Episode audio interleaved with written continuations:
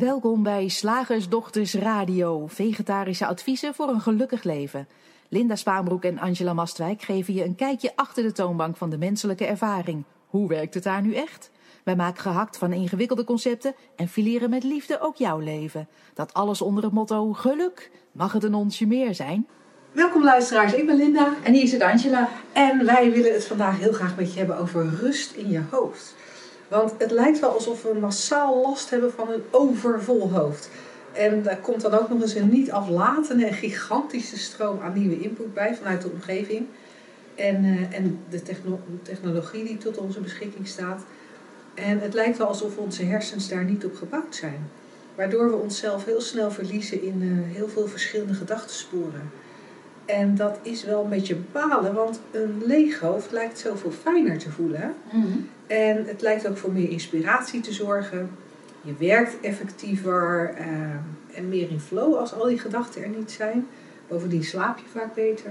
Ja. En dat is natuurlijk toch een ding wat veel, veel mensen ervaren. Moeite met in slaap komen of moeite met slaap eh, blijven slapen. En, en dan lijkt het alsof je nou ja, talloze technieken en trainingen zou moeten volgen om te leren hoe je rust in je hoofd krijgt. Misschien hoef je ze niet allemaal te volgen, maar er zijn er heel veel tot je beschikking. En daardoor lijkt het eigenlijk alsof rust in je hoofd een vaardigheid is. Ja, Als ik nou maar het juiste doe, dan, dan krijg ik rust in mijn hoofd. En dat komt erop neer dat je gewoon nog weer een taakje extra hebt. Eh, namelijk jezelf en je gedachten onder controle houden. Of gedachten wegduwen. En wij weten dat het makkelijker kan. En daar willen we heel graag deze uitzending met je naar kijken. ja.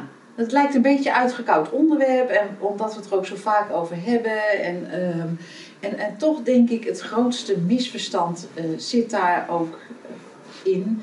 Ehm, wat wij graag ophelderen. Hè? Want zoals jij al zei, Linda, het lijkt zoiets, het lijkt een heilige graal eh, om, om te bereiken. En dan kan die drie principes, de communicatie daarover, eh, weer net zo makkelijk opgevat worden als oh, een middel om dat vaker te ervaren, sneller te ervaren, om er beter in te worden. En, en, en wat je dan ziet is dat als, als die drie principes waar wij het over hebben zo uitgelegd worden en die rust in je hoofd is er op enig moment niet of niet snel genoeg, dan kan er ook gelijk weer een, een soort eh, schuldig gevoel ontstaan van oh, ik, ik snap die drie principes nog niet, ik heb nog niet voldoende inzicht, ik moet nog meer luisteren, nog meer kijken, nog meer eh, eh, uitzoeken, verschillende leraren bezoeken of beluisteren.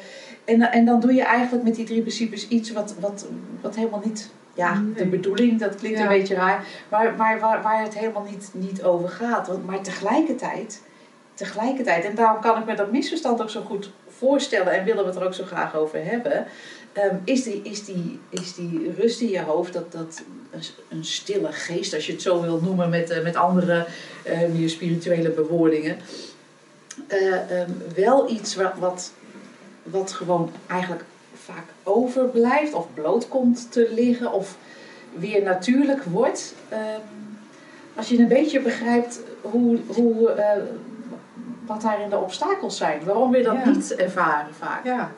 ja, en ik denk dat het heel fijn is als we deze uitzending, als we gewoon weer eens teruggaan naar het hele basale. Ja. We realiseren ons dat we toen we vijf jaar geleden, bijna vijf jaar geleden met de radioshow begonnen, dat we ja, misschien wel iets psychologischer over de drie principes spraken dan tegenwoordig. En ik heb het idee dat ook dat psychologische, of misschien zelfs wel juist de psychologische invalshoek die je kunt herkennen in de drie principes, wel heel, heel behulpzaam kan zijn als het gaat om wat meer rust in je hoofd te krijgen. Ehm, maar daar is wat jij zei, het, het idee dat de drie principes een nieuw toeltje is. Ja, Ehm, dat is daar wel een belangrijk uitgangspunt bij. Want ik zou eigenlijk heel graag even willen beginnen met wat we allemaal denken te moeten doen om rust in ons hoofd te krijgen. Ja.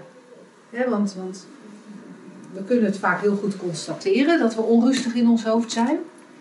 Door dat wakker liggen of s'nachts wakker worden. Eh, of we merken overdag dat we een slechte concentratie hebben. jo ja. Dat je eigenlijk je gedachten van het een naar het ander springen. Het moeilijk is om je aandacht bij een taakje te houden.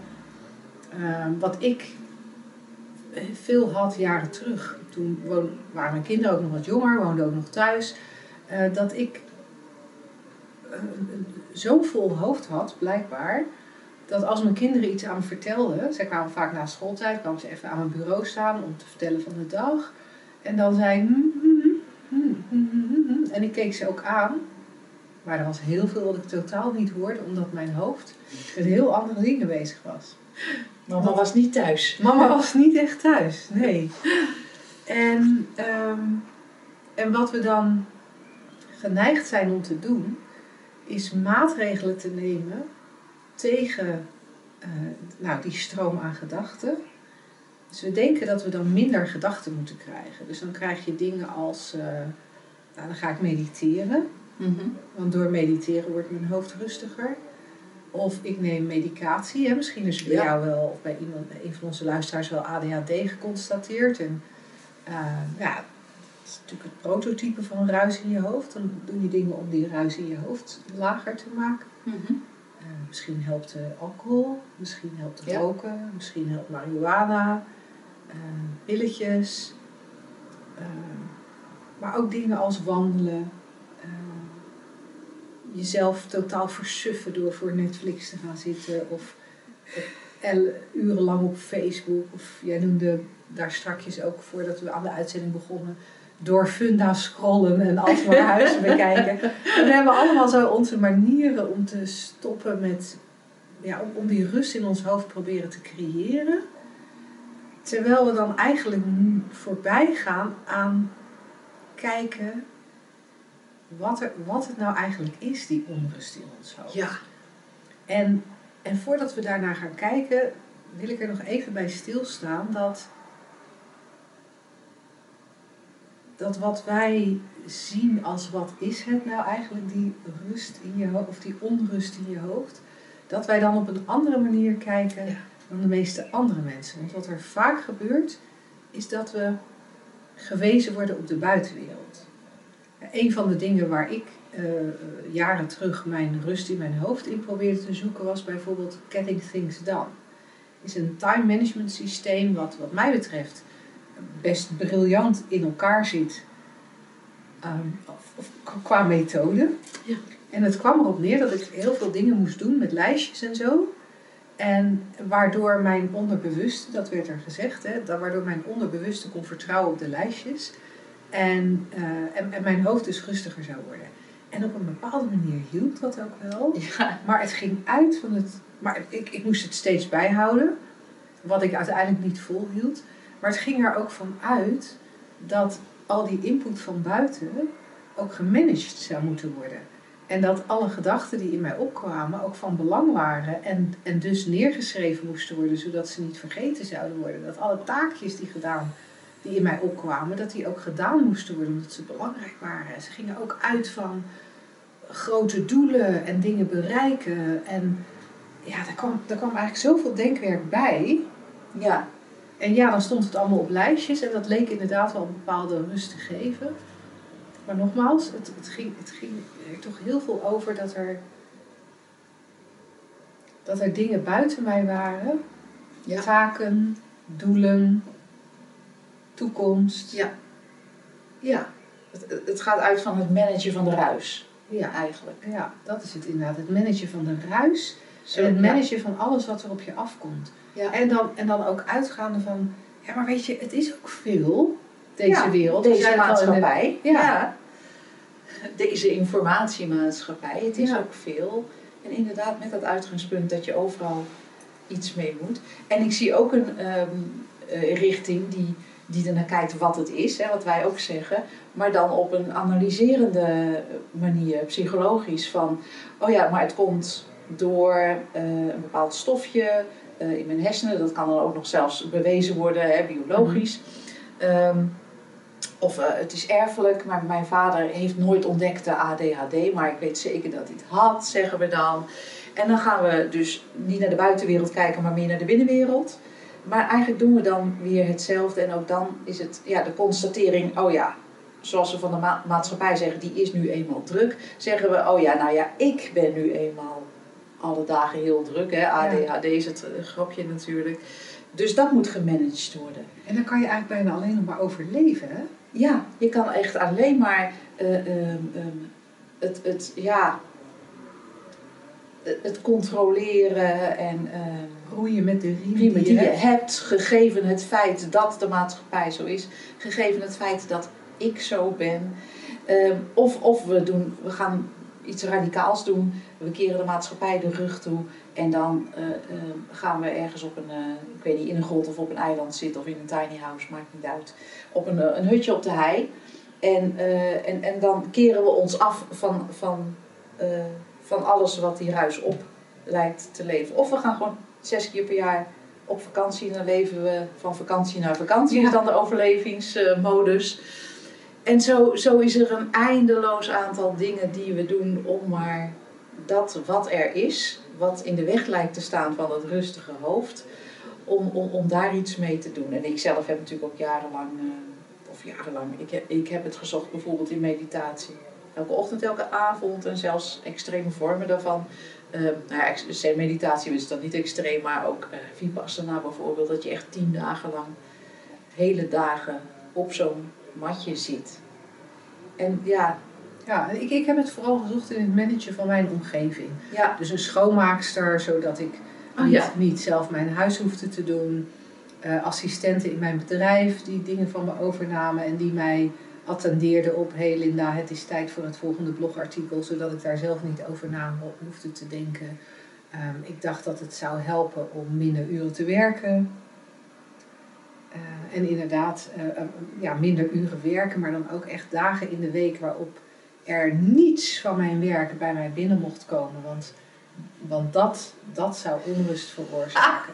Dus ik, en ja, je lacht al, maar dat, dat werd mij ook echt geleerd door mensen Ja. die daar verstand van leken te hebben. eh, dat, dat, dat dat een goede strategie was. Gewoon Ja. echt dagen waarop je niets met je werk deed. de stekker eruit. Ja, ja. En, en dat leek een soort van te helpen. Ja, Nou ja, totdat bleek dat ik aan hyperventilatie leed. dus dat het toch niet helemaal, ja dat het toch, Toch niet helemaal werkte. Nee, maar dat vind ik wel het, eh, ehm, sorry voor het woord, maar het verneukeratieve aan dat alles wat wij nu genoemd hebben. Het kan allemaal best een beetje helpen of tijdelijk helpen of voor, voor bepaalde personen helpen. Of voor... En wij zeggen ook niet dat je dat allemaal niet mag doen, hè? Wij, wij gaan die, helemaal niet over de acties die jij eh, onderneemt. Nee. Of eh, eh, ook niet over de pillen die je slikt.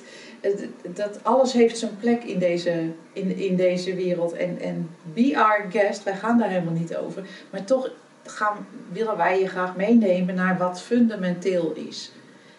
Wat is het nou, Linda? Ja. Wat is dat, die ruis? Waar bestaat het uit? Nou ja, in feite bestaat die ruis alleen maar uit, laten we het, zeggen, we het even gedachte-energie noemen. Ja, Energie die door ons heen komt. En, ehm, en die gedachte-energie, die wordt voor ons voelbaar, wordt voor ons heel echt. In feite is die energie, is, is, zijn gedachten die bij ons binnenkomen, zijn in, in feite neutraal. ja, Alleen ze voelen voor ons niet neutraal, omdat het systeem zo in elkaar zit. Hè. Er is het principe van het denken, maar er is ook het principe bewustzijn. En dat bewustzijn, dat, dat, dat, dat zien we terug in, in onze zintuigen. In, in voelen, emoties, maar ook in zien, horen, ruiken, proeven, de tastzin. En dat bewustzijn functioneert in feite als het Special Effects Department, dat dat die gedachte tot leven wekt. Dat van die gedachte eigenlijk iets maakt wat we ervaren. ja, En zodra gedachten geanimeerd zijn, en dat gebeurt met alle gedachten, hè, dat kan helemaal niet, daar- kan je niet eens aan ontsnappen, dat hoef je ook niet te proberen. Maar zodra die gedachten geanimeerd zijn, geanimeerd worden, worden ze echt. En dan lijkt het wel alsof, alsof er dan iets gebeurt waardoor we ermee aan de haal gaan. We maken het persoonlijk. Het wordt persoonlijk. En, Het gaat altijd over ik. En er zit ook iets in van meegesleept worden door de gedachten in dat moment. En misschien moeten we dan toch de gedachtentrein er nog weer een keer bij halen. Omdat die vaak voor veel mensen zo verhelderend is. Dat er, er is een gedachte die onze aandacht trekt. Waarom? Geen idee, hè? maar een gedachte die de aandacht trekt. En dat kan bijvoorbeeld een gedachte zijn. Ik ga volgende week, volgende week beginnen met eh, die nieuwe baan. En die gedachte wordt geanimeerd. Daar komt een gevoel bij, wat voor gevoel dan ook. En vervolgens ziet het, er, ziet het eruit, en dat is denk ik voor deze, als we het even bazaal houden, best een heel fijne uitleg. Vervolgens eh, worden er wagonnetjes aangekoppeld. Er komt, eh, oh, de, de, de, de, de locomotief is dan eventjes, ik begin volgende week met een nieuwe baan. En daar wordt een wagonnetje aangekoppeld. Nou, dat zal wel eh, even zwaar worden, de eerste paar weken. Vervolgens komt er een volgend wagonnetje. Ja, hoe ga ik dat dan eigenlijk doen met de kinderen?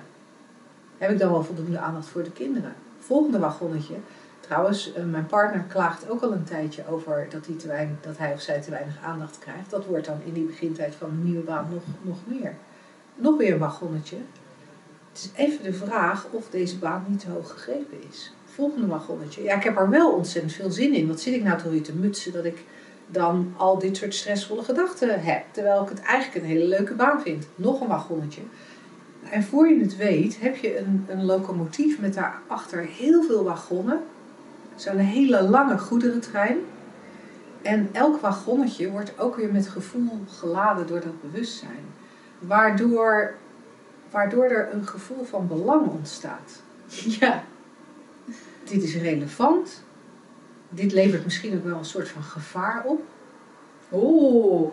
En ik weet niet eens of we het als gevaar zullen benoemen, hè? Nee. Dat denk ik Nee. eigenlijk niet, maar de onrust Maar- begint daar volgens mij wel. Ja, dat denk ik ook. We voelen, we voelen ons al heel snel ehm, bedreigd. En, en, en dit klinkt nu heel zwaar. Bedreigd in ons bestaan. Zelfs bij, voor zo'n, eh, wat je intellectueel hè, heel makkelijk kan afdoen als, nou ja, weet je, het is, het is, het is mijn baan, mijn leven hangt er niet van af. eh, eh. En, en toch zit daar iets, een, een aanname onder van, ehm, die, die dit soort dingen heel erg ja, echt maakt en, en belangrijk lijkt te maken en aantrekkelijk en, en waar. Het is denk ik voor elk locomotiefje. Als je het zo zegt, denk ik dat we dat, dat, voor elk locomotiefje gebeurt. Ja, maar mijn pensioen. Ja, Ik, ik, ik, ik moet wel straks ergens kunnen wonen. ja. Als de kinderen dan het hu- huis uitgaan. eh, ja en studeren, hè, weet je wat het kost? Ja, wat als ik ontslagen word? Ja. Wat als ik in een camper zou gaan wonen? Het maakt eigenlijk niet uit welke, welke locomotieven op, op het spoor zetten. Er is, er is altijd een gedachtespoortje mogelijk dat richting een eindstation gaat als ik ben niet goed genoeg Zuid of dit wordt niks met mij Noord. Ik eh, word bedreigd in mijn bestaan West. En, en, en al die tijd gaat het over eh ikje, ikje centraal. ja. Over het echt het knooppunt van alle, van, van alle gedachtensporen is, is, is ik centraal. Is, dat is echt, eh, daar gaan alle wissels om. En, En elke, zouden we kunnen zeggen dat elke onrust in ons hoofd eigenlijk, eigenlijk neerkomt op angst. Angst om informatie te missen op Facebook. Angst om niet goed genoeg te zijn. Angst om alleen gelaten te worden. Angst om straks arm te zijn. Angst om dood te gaan. Angst om ziek te worden. Angst om afgewezen te worden door de baas of de partner Ja. of de kinderen. Ja, daar heb je zeker een punt. Het is grappig toen jij het woord informatie noemde. Hè, je had het over informatie op Facebook. Dacht ik, ja, al die gedachten zijn eigenlijk hele neutrale informatie. En, en, en het is fascinerend om te zien hoe we steeds ook diezelfde informatie weer lijken, lijken op te pakken. Alsof de, de, de, krant van, uh, de kranten van 50 jaar lang nog uh, ergens in de, in de kast liggen. Dat we elke keer diezelfde informatie weer gaan herlezen omdat het zo belangrijk lijkt en, en te maken lijkt te hebben met, met, met mij. Ja. ja. ja. Maar kijk eens wat er vijf jaar geleden gebeurde. Toen ben ik ook al ontslagen. Kijk, het staat hier. Ja. Het is heel interessant. Terwijl alle informatie is eigenlijk neutraal tot we ons toe-eigenen. Dus elke gedachte. Ik vond, ik vond die, die vergelijking zo mooi. Van, van, het is eigenlijk allemaal neutrale informatie, maar we doen er iets geks mee. Ja, en, dat, en wat Angela nu zegt, dat kan je horen als: oh, ik moet dus iets anders doen met die gedachten. En, en daar zit iets heel ehm, moois, vind ik, aan de drie principes. Nee, je hoeft niet iets te doen. Het betekent niet dat je nou ja, een soort gedachtenpolitie in je hoofd moet gaan creëren die elke gedachte controleert. Hè, zoals er op dit moment ook gecontroleerd wordt op social distancing. Als je met iemand over straat loopt, woont u wel in hetzelfde huis? is er controle? Woont u in hetzelfde huis, dan is het goed. Woont u niet in hetzelfde huis, dan loopt u te dicht bij elkaar. Ehm, iets dergelijks lijken wij geneigd zijn te doen met de, met de gedachten in ons hoofd. Hè? Ja. Is dit, een, is dit een goede? Is dit een gedachte waar ik iets raars mee doe? Moet ik iets minder raars doen met deze gedachte? Maar het is niet die gedachtenpolitie, maar het, het, het is eigenlijk nog eenvoudiger dan dat. Het is herkennen dat wat er ook gevoeld wordt of wat er ook ervaren wordt, het altijd, altijd, altijd alleen maar gevoeld of ervaren kan worden omdat er denken in bewustzijn is. En daar zit gek genoeg iets bevrijdends in. Ja. Want als je dat echt gaat herkennen, dan is iets missen op Facebook. Oh, maar dat is dus alleen maar denken in bewustzijn. Dat hele gevoel, die hele ervaring is alleen maar denken in bewustzijn. Oh, Oké. Het feit dat ik s'nachts wakker lig met een, een, een razende to-do-lijst door mijn hoofd. Oh, dat is alleen maar denken in bewustzijn. Het feit dat ik denk dat ik heel veel geld moet verdienen. Oh, dat is denken in bewustzijn. Het feit dat ik me schuldig voel omdat ik mm tegen mijn kinderen zeg in plaats van naar ze luisteren. Oh, dat is ook denken bewustzijn. Oh, het is allemaal gewoon alles. En wat je zou kunnen horen hierin, wat ik eigenlijk hoop dat je hoort hierin, het is eigenlijk niks tot het in bewustzijn komt en gevoeld wordt als iets relevants. En dat, en dat is nooit waar. nee. nee. Nee, en het, het, het, is, het is fascinerend hoe we niet eigenlijk durven te vertrouwen op gewoon wat er, dat er gebeurt wat er gebeurt, zoals het gebeurt.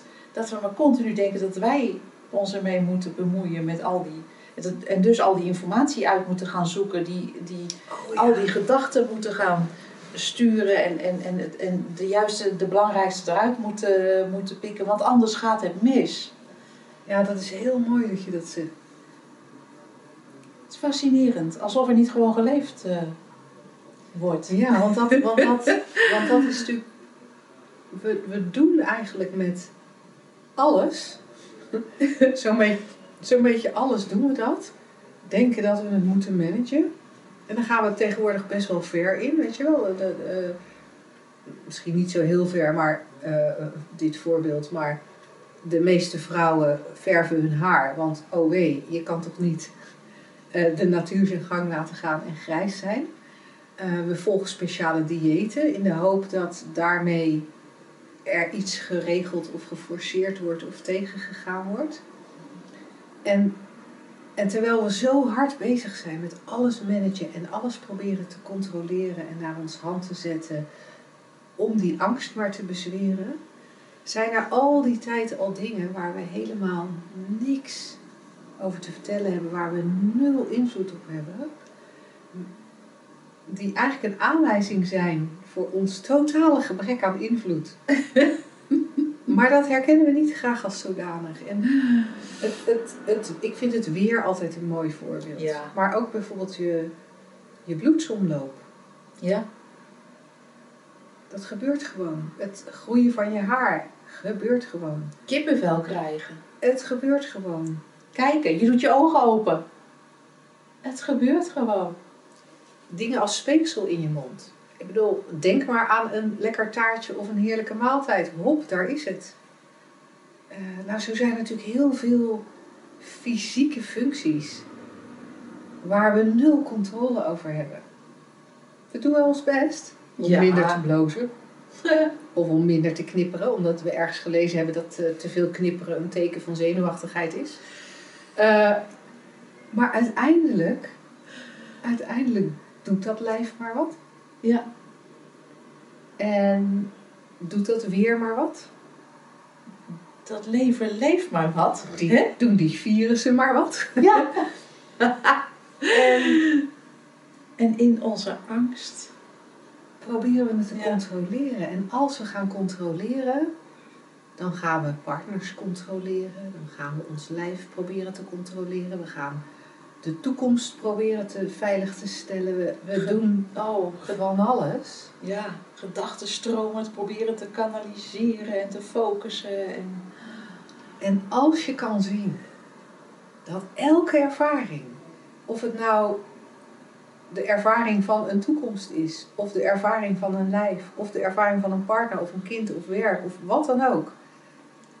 Elke ervaring is nooit iets anders dan dat denken in bewustzijn. Dan kan er iets veranderen.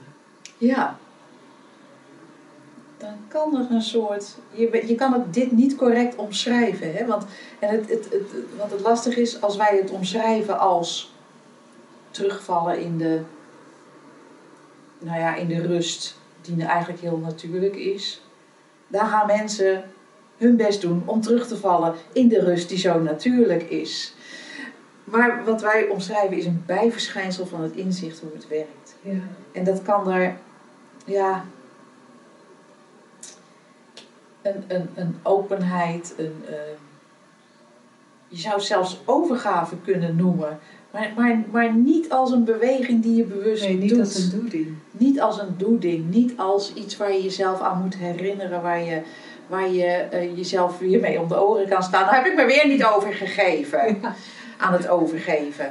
Ehm, Ja, ik, ik, ik, ik zou eigenlijk, eigenlijk want we, we- we, krijgen het niet helemaal doorgepraat tijdens, Nee. tijdens zo'n podcast als nee, dit. daar is het tekort voor, hè? Dus ik, ik zou je eigenlijk heel graag willen attenderen op het feit dat wij in juni weer live dagen eh, gaan doen. Ja. Ehm, met, eh, nou, met, met, met de, de maatregelen die daarvoor voor aangeraden worden om eh, ons veilig te wanen in het kader van corona.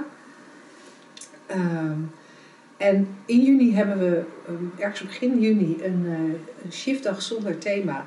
Waarin eigenlijk alle vragen die er maar zijn ter sprake kunnen komen. En waar zeker eh, rust in je hoofd en het ervaren van rust. En het, en het, en het meer ja, het leven kunnen ervaren vanuit die rust en die ruimte die er altijd is. Zal daar zeker een onderwerp zijn. Dus dat kan een hele fijne gelegenheid zijn om er met ons over door te kletsen. Ehm, eind juni hebben we ook eh, weer een, eh, ha- half juni geloof ik, een driedaagse. Eh, daar zijn op het moment dat we deze podcast opnemen nog drie plekjes, vier plekjes voor vrij. Ehm, dat zou ook een, een onwijs fijne gelegenheid zijn. Eh, dan kunnen we zelfs drie dagen met elkaar doorkletsen. En dan, als we drie dagen de gelegenheid hebben om met je in gesprek te gaan, dan weten wij zeker dat we dat hoofd van jou stil krijgen. Ehm, dus dat zou een hele coole gelegenheid zijn. Je leest daar eh, alles over op www.shiftacademy.nl. Academy geschreven op zijn eh, Engels. Onder het kopje trainingen, live trainingen. Eh, zowel de driedaagse als eh, de shiftdag eh, vind je daar terug. Zou super tof zijn eh, om je daar te zien. Tot dan. Zeg, slagersdochters, hoe bak ik die vegaburger? Over naar de luisteraarsvraag. De vraag van Monique. Zij schrijft: Ik heb gemerkt dat ik moeilijk tegen overdrijven kan. Als mensen dingen gaan vergroten of verzinnen om aandacht te krijgen, is het net of mijn lichaam op tien verschillende plaatsen gaat jeuken en ik wil alleen maar weg. Kunnen, jij, kunnen jullie hier eens naar kijken? Zegt dit ook iets over mij? Dat is eh, leuk. Geinig zeg. En, eh, jij sprak het woord overdrijven uit en toen dacht ik overdrijven. Van wolken bijvoorbeeld in de, in de, in de, in de lucht. Ja. Ik kan er niet tegen als die wolken overdrijven. Ja. Grappig. Maar ehm, ja, ja ik, ik vraag me eigenlijk af, dat, dat, daarom is het ook zo leuk om live in gesprek te gaan met mensen. Ik vraag me eigenlijk af van wil Monique eh, dat ze wel tegen overdrijven kan? Dus dat ze, dat ze gaat, blijft staan voortaan als er tegenover haar overdreven wordt? Ja? Is dat eigenlijk de insteek? Of wil ze een. ehm, Andere mensen laten stoppen met overdrijven. ja, is dat de insteek? Dat, dat, ik vind dat. eh, ik weet niet precies wat, eh, wat de insteek is. Nou, doen we ze toch allebei? Ja. Wat gebeurt er als iemand overdrijft? Dan kijken we eerst even naar die ander. Wat gebeurt daar? Nou, ehm, ja, wanneer is het overdrijven? Komen we dan eigenlijk natuurlijk ook wel op. Maar stel even dat eh, ik heb mijn teen gestoten. En ik zeg tegen jou, nou echt, ik heb mijn teen gestoten. Nou echt jongen, het was een gedoe, het was een gedoe. Die tafel, die stond daar dus normaal gesproken niet. Nu stond hij er wel. Ik stootte meteen. Nou, de pijn was echt te erg voor woorden. En ik moet je zeggen, ik kan nu dus mijn schoenen niet meer aan. En ja, nou ja, en het zou dus zomaar kunnen dat dat de komende weken ook niet meer kan. Is dat overdrijven? Of is het meer overdrijven als ik zeg van... eh, nou, ik ben op vakantie geweest. En die vakantie, jongen, nou, het was echt de beste vakantie ever. Echt, nou, zulke vakanties, die krijg je nooit meer. Is dat overdrijven? Ja, ja, ik weet het niet. Of is het overdrijven als ik zeg dat ik meer geld verdien dan wie dan ook? Dat vind ik meer opscheppen. Dat is meer opschrijven. ja, overdrijven. Ja, ik, ik Of is overdrijven, weet je, mijn kinderen deden dat vroeger. Dat vond ik heel leuk. Wij vonden dat heel leuk om aan de keukentafel te doen toen ze nog jonger waren. Dat, eh, mijn kinderen fietsten altijd door de polder naar school. En eh, dan, dan had mijn zoon, ik kan, kan me nog één zo'n verhaal herinneren, dat hij zei van, nou ja, toen liep er dus een meerkoetje gewoon midden op het fietspad. En eh, daar moest ik voor uitwijken en ik verloor echt bijna mijn, eh, mijn, eh, de macht over het stuur. Dat was nog een soort van waarheid. En toen kwam het van, nou ja, als dat dus echt gebeurd was, en dan, dan was ik misschien wel tegen een boom aangereden. Als die boom een beetje los geworteld was, dan zou die omgevallen zijn. Dan was die over de weg gevallen. Dan was er misschien wel een auto aangekomen die dan tegen de boom aangebotst was. De auto daarachter er ook, was er ook opgebotst.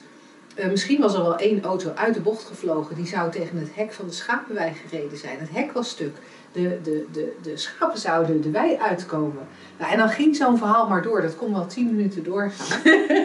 Wij vonden dat enorm vermakelijk. Maar je zou Ja. het ook overdrijven kunnen doen. Ja, fantasie.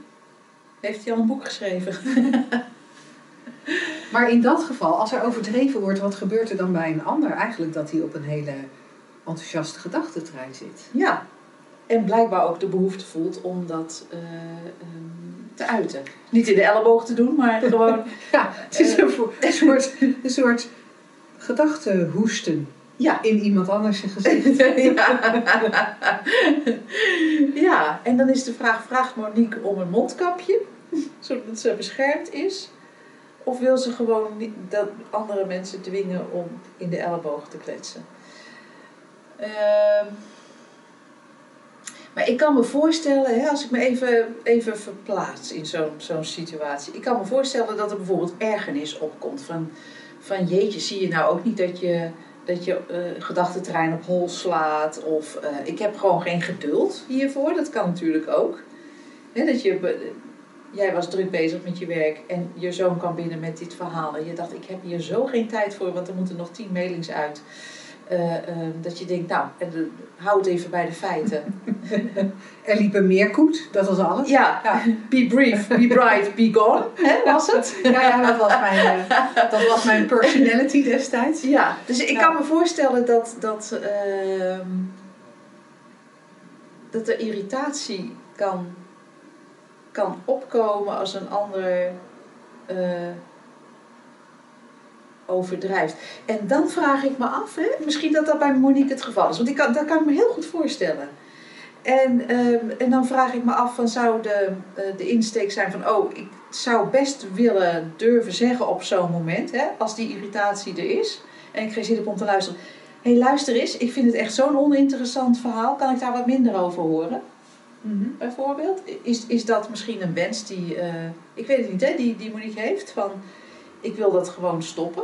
En dan denk ik, nou ja, de enige reden waarom, als dat opkomt, waarom je dat niet doet, is waar we het eigenlijk net over gehad hebben. De angst van, ja, wat zal die ander denken? Of dat kan ik niet maken, of ik vind het onbeleefd. Of, um, nou ja, dat soort uh, eigen gedachtentreinen. Mm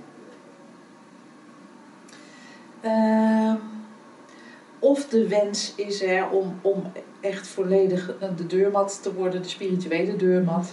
En, en gewoon als iemand zo met zo'n verhaal komt die je eigenlijk stiekem irritant vindt, maar dat je dat vindt dat je niet geïrriteerd mag zijn en dat je een spirituele deurmat moet worden en dus eigenlijk open moet staan voor dat soort verhalen en, en heel ja. Ja, want dat, moet luisteren. dat, dat, weet ik. Dat is natuurlijk inderdaad leuk, want Monique vindt haar eigen reactie vervelend. Oké. Het feit, dat, dat, dat lees ik er tenminste in, dat ze ook een fysieke reactie krijgt van jeuk en zo. Oh, dat oh, ze, oh, ja, dat, dat, dat komt over alsof dat vervelend is. Ja. Ja, dus dan, dan vraag ik me af, is het, eh, ja, je zou kunnen zeggen van je wil je eigen, je wil de anders gedachtentrein stoppen, of je wilt je eigen gedachtentrein herkennen. En, en vervolgens dus ook stoppen. Eigenlijk zitten we hier te kijken naar een enorme hoeveelheid gebakken lucht. Ja. En daardoor is het best wel lastig om er iets zinnigs over te zeggen. Want degene die overdrijft, ja, nou ja, gebakken lucht, daar kun je dat dan eh, vaak wel helder van zien. En alle redenen die je hebt om er mee te willen kunnen dealen, is ook gebakken lucht. Hetzelfde verhaal. En eigenlijk die fysieke reactie. He, als, omdat we weten dat elke ervaring ook een gedachte is, ook dat, dat lijf. En niet een persoonlijke gedachte van die heb ik in de hand. Daar gaat het helemaal niet over. Alleen het is ook een gedachte in bewustzijn. Ja, kan je dat alleen maar herkennen. Goh, nou dit hele circus, hetzelfde verhaal. Een gedachte in bewustzijn. Het, het zweten, het, het, het kippenvel, de weerstand, interessant. That's it. Ja, en dan eigenlijk net als wat we, waar we naar proberen te wijzen met ons, uh, met, met, met ons beginthema rust in je hoofd. Dat het feit dat er een ervaring is. En dat we daar dan een mening over hebben. En dat we vinden dat die anders moet zijn. Dat geeft misschien wel de onrust of ja, of het vervelende. Want om weer terug te komen op dat gebakje. Als, als er een gebakje voor, voor je staat, of je denkt aan een gebakje en je krijgt speeksel in je mond, dan ga je daar, dan, dan is dat gewoon wat er is. Ja. Vinden we ook nog wel een soort van logisch. Maar als we luisteren naar iemand en, en, we, en wij hebben in feite gedachten over dat het echt een stom verhaal is en ik heb hier geen zin in of ik heb hier geen tijd voor of wat het dan ook is. En dat dat een fysieke reactie geeft, is eigenlijk net zo logisch als dat speeksel bij het gebakje. Want hé, hey, er is denken, het bewustzijn creëert er een, een, een sensatie bij. Ehm, maar dan proberen we toch weer te, het, het, leven te modelleren. We proberen toch weer de ervaring. Onszelf. Ja. ja. Want ik zou anders moeten reageren, of ik zou hier tegen moeten kunnen, of ik zou gewoon nee moeten kunnen zeggen. Terwijl er al die tijd niks anders aan de hand is dan, hé, hey, er is een ervaring. Dus ja, ligt dat dan aan jou, Monique? Hè? Want dat was ook je vraag: van, zou ik naar mezelf moeten kijken of is het iets aan mijn kant? Ja, we kunnen altijd allemaal alleen maar onze eigen kant ervaren. Er is niet Ja. eens de mogelijkheid dat wij de andere kant ervaren. We ervaren altijd het, het denken in bewustzijn hier. Ja. En ik denk dat, dat de enige, het enige fundamentele, ehm, ehm, wat, wat fundamenteel transformerend kan zijn, is kijken naar hoe dat systeem werkt. En niet van, oh is het de ander, of is het ik, of hoe krijg ik het veranderd, of bestaat dit ook al uit gedachten? Ja. Ehm, kijk hoe het systeem werkt. En het, het klinkt zo one size fits all, one solution fits all, maar dat is ook echt, echt zo. Gaan herkennen dat, dat alle ervaring alleen maar dat is, een gedachte in bewustzijn. Dus dat je daar, ja, het is, het is niks. Het is gebakken lucht, zoals Linda net zegt. Ja. Nou, Monique, hopen dat je hier een beetje verder mee bent. Eh, mocht je nog een vervolgvraag hebben, dan horen we dat eh, natuurlijk heel graag van je. En ehm, mocht jij als eh, luisteraar zelf een vraag hebben of een mijmering, stuur ons die dan toe naar vragen.slagersdochters.nl. Dan gaan we er heel graag in een van onze volgende uitzendingen over door. We hebben op dit moment al nog maar een vraag voor één uitzending. Oh Dus jee. wij kunnen best nog, eh, wij kunnen best nog nieuwe vragen gebruiken.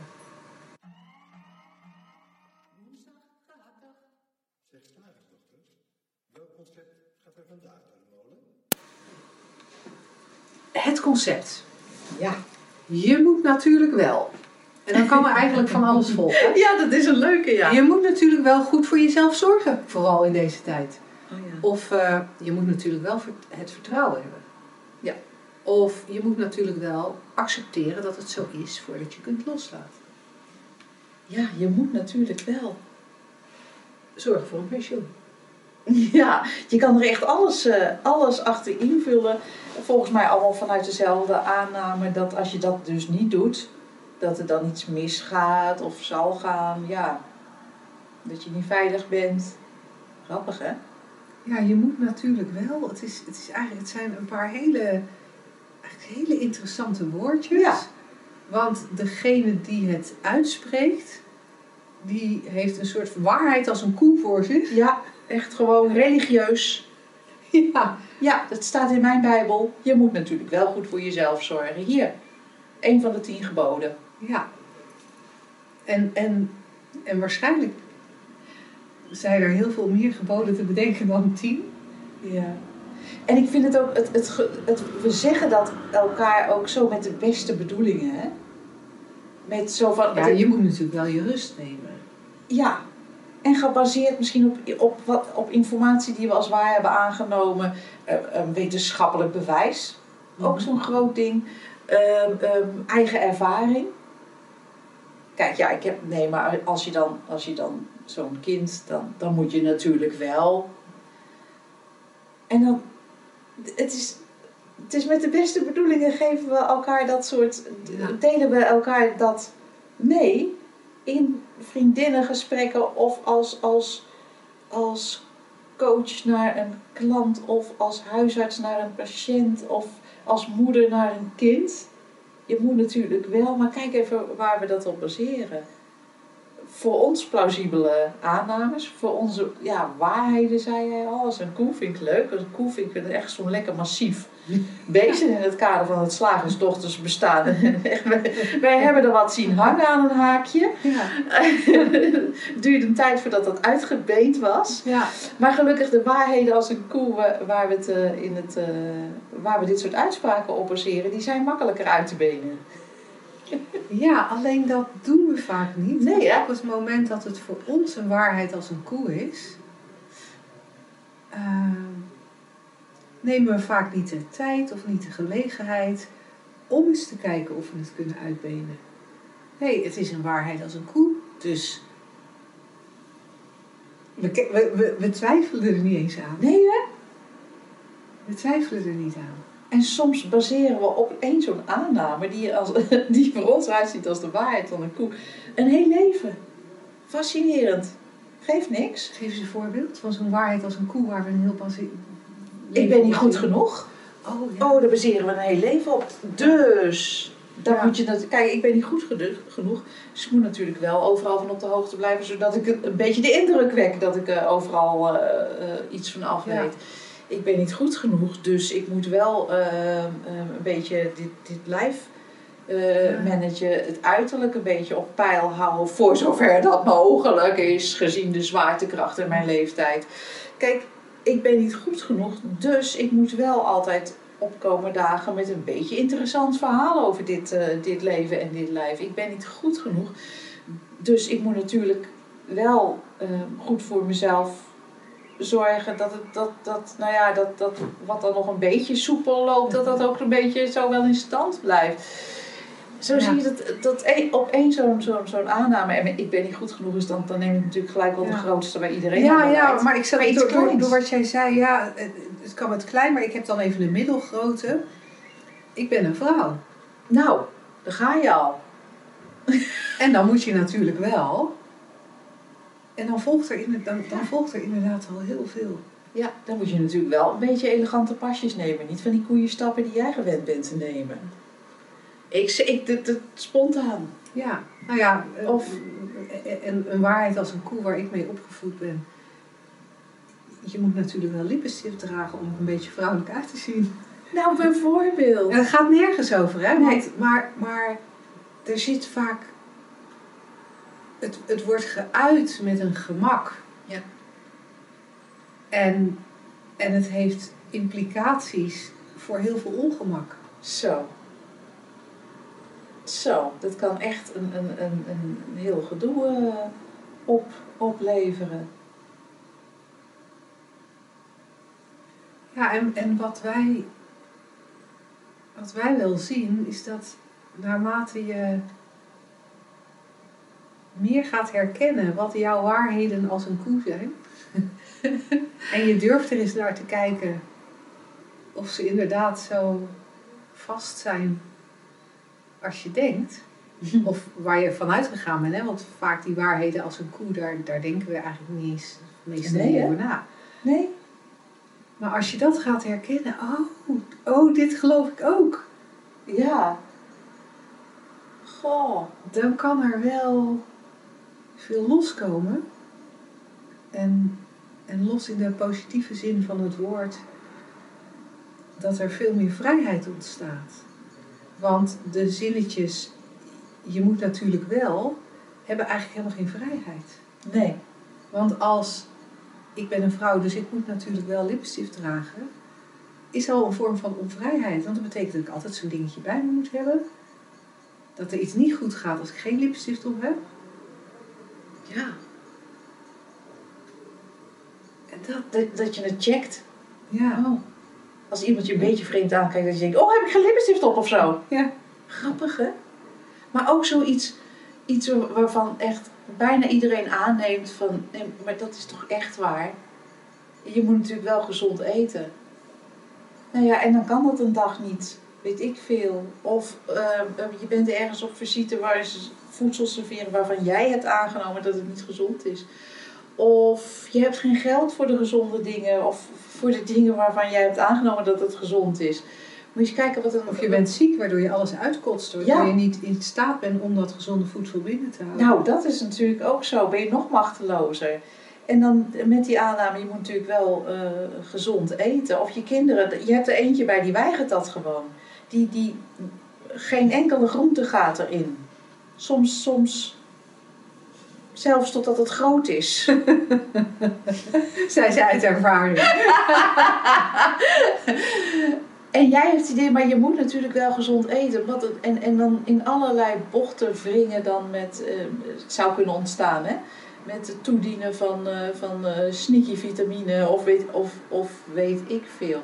Terwijl juist in de ontspanning van het zien van ja, dit is, lijkt wel de waarheid als een koe. En, en, en heel veel mensen in mijn cultuur, met mijn achtergrond, zullen mij bevestigen in deze, in, Mm. in deze waarheid. Die hebben namelijk hetzelfde geloof als ik, zelf de. Bijbel. Ja. Ehm, maar het is eigenlijk ook weer een gedachte in bewustzijn. En eigenlijk en, en, en daarmee, ja, We zoeken eigenlijk ook vaak mensen met dezelfde religie op. hè? ja zeker.